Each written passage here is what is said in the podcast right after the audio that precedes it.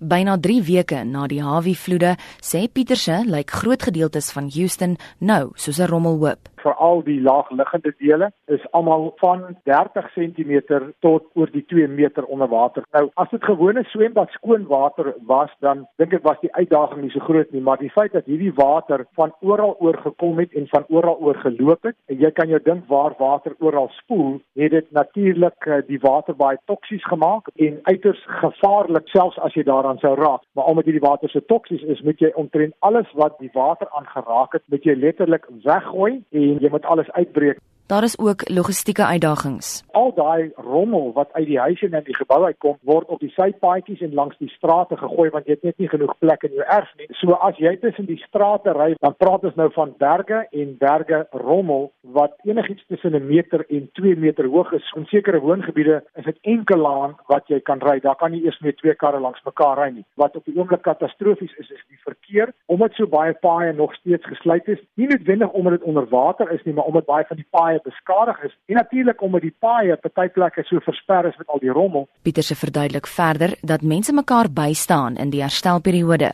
maar sê daar is ook 'n keersy aan die munt. Daar's geen manier dat enige stad so groot ramp dat hy gerad kan wees, genoeg infrastruktuur en mannekrag en mense het en selfs die geld het om so groot ramp te hanteer nie. So baie van die verantwoordelikheid kom dan neer op die gemeenskap en privaat kontrakteurs. Dis 'n groot werkskepingsgeleentheid, maar aan die ander kant is daar ook die mense wat die saak uitbuit, waar hulle hulle kostes en hulle dienste en hulle tariewe vir 3 en vir 4 en vir 5 dubbel. 250 000 huise moet na raming herbou word en ongeveer 20% van Houston se infrastruktuur is deur die orkaan verwoes.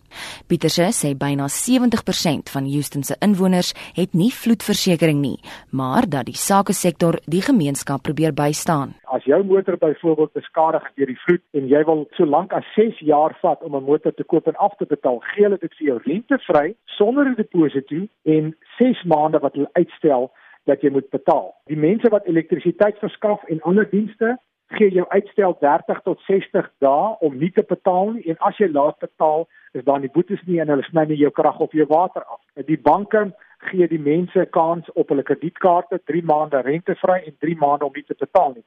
So die gemeenskap en die sake sektor besef wat is die uitdaging. Inwoners van Florida en die Karibiese eilande het kort na Harvey ook onder 'n kategorie 5 orkaan deurgeloop. Irma het grootskaalse verwoesting in onder meer St. Martin, Klein Iguana en die Britse Maagde Eilande veroorsaak. Trininel se seun, Jaco Pieterse, woon saam met sy gesin in St Martin. Nel sê hulle moes St Martin vlug en woon nou in 'n sekuriteitskompleks aan die suide van die eiland. Hy is nog steeds baie ontstel, maar dit gaan goed met hulle op hierdie stadium. Hulle werk net verskriklik hard want daar is baie werk. Dit is nie net hulle eie goed wat hulle probeer red nie, maar hulle help ander mense ook.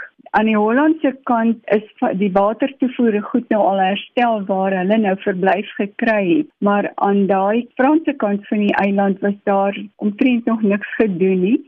Hulle probeer voertuie en goed uit die paaie uitkry dat daar mense kan ry. Dit is nog steeds maar baie baie die mekaar aan daai kant. Intussen het die weerdiens bevestig dat nog 'n orkaan, Maria, moontlik dieselfde spoor as Irma kan volg. Nel sê haar seun en sy gesin neem die nodige voorsorg indien Maria verdere verwoesting kan saai. Ek is Jean Marie Verhoef vir SAK nuus.